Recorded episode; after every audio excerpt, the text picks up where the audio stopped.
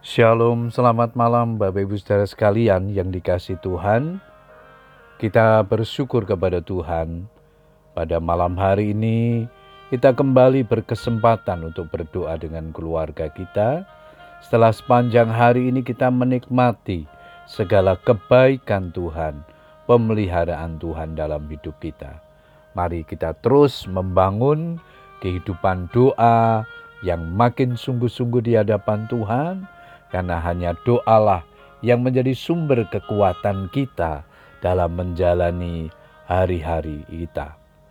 Malam hari ini sebelum berdoa saya akan membagikan firman Tuhan yang diberikan tema mengalami proses pemurnian. Ayat mas kita di keluaran pasal yang ke-25 ayat yang ke-31.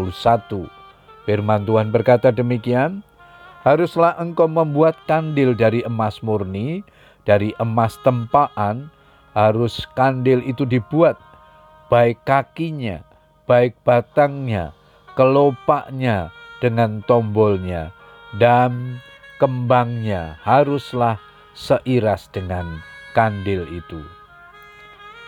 Siapakah kita sebelum mengenal Kristus? Kita adalah orang-orang berdosa yang seharusnya menerima hukuman dan dimurkai Allah. Sungguh tidak ada yang benar, seorang pun tidak. Tidak ada seorang pun yang berakal budi. Tidak ada seorang pun yang mencari Allah. Semua orang telah menyeleweng. Mereka semua tidak berguna. Tidak ada yang berbuat baik, seorang pun tidak. Roma 3, 10, 12. Namun Allah begitu mengasihi kita dan bukti kasihnya adalah Allah dinyatakan di tengah-tengah kita, yaitu bahwa Allah telah mengutus anaknya yang tunggal ke dalam dunia supaya kita hidup olehnya. 1 Yohanes 4 ayat yang ke-9. Ini membuktikan bahwa kita ini berharga di matanya. Firmannya, oleh karena engkau berharga di mataku dan mulia, dan aku ini mengasihi engkau. Yesaya 43 ayat yang keempat.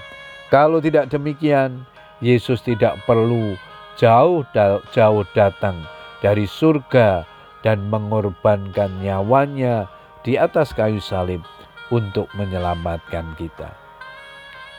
Bapak Ibu Saudara sekalian, seiring perjalannya waktu, sering kali kita lupa akan kasih Tuhan yang luar biasa ini. Kita begitu mudahnya memberontak dan menyalahkan Tuhan. Terlebih-lebih saat masalah atau kesesakan terjadi dalam hidup ini, kita langsung berkata, Tuhan itu tidak adil, Tuhan tidak mengasihiku. Sebagai anak-anak Tuhan, selayaknyakah kita berkata demikian? Memang terkadang Tuhan izinkan masalah terjadi dan menerpa kita sebagai bagian dari kasihnya. Dia ingin membentuk dan memproses kita. Karena Tuhan menghajar orang yang dikasihinya dan ia menyesal orang yang diakuinya sebagai anak. Jika kamu harus menanggung ganjaran, Allah memperlakukan kamu seperti anak. Di manakah terdapat anak yang tidak diajar oleh ayahnya? Ibrani 12, 6 sampai dengan 7. Ini sama dengan kandil yang menjadi salah satu perkakas penting di dalam kemah suci. Kandil itu harus terbuat dari emas yang murni dan merupakan hasil tempaan. Berarti emas itu terlebih dahulu harus diproses begitu rupa. Ditempa berarti dipukul secara bertubi-tubi, mungkin dengan palu atau godam. Andai emas itu bisa bersuara, pastilah ia akan berteriak karena kesakitan. Tetapi setelah proses itu selesai, kandil yang terbuat dari emas tempat itu pun menjadi perkakas yang indah dan menyala di kemah suci. Supaya kehidupan kita seperti kandil yang menyala bagi kemuliaan nama Tuhan. Kita pun harus melewati tempaan yang mungkin akan kita rasakan sakitnya. Namun jangan putus asa dan menyerah sebab Tuhan sedang mempersiapkan kita untuk menjadi karya yang indah dan luar biasa. Karena itu berhentilah mengeluh dan bersungut-sungut. Puji Tuhan, saudara sekalian, ialah kebenaran firman Tuhan ini memotivasi kita untuk hidup berkenan di hadapan Tuhan ketika Tuhan izinkan proses terjadi dalam hidup kita.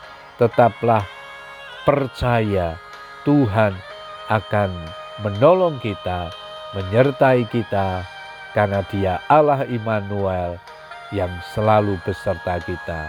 Selamat berdoa dengan keluarga kita. Tetap semangat berdoa. Tuhan Yesus memberkati. Amin.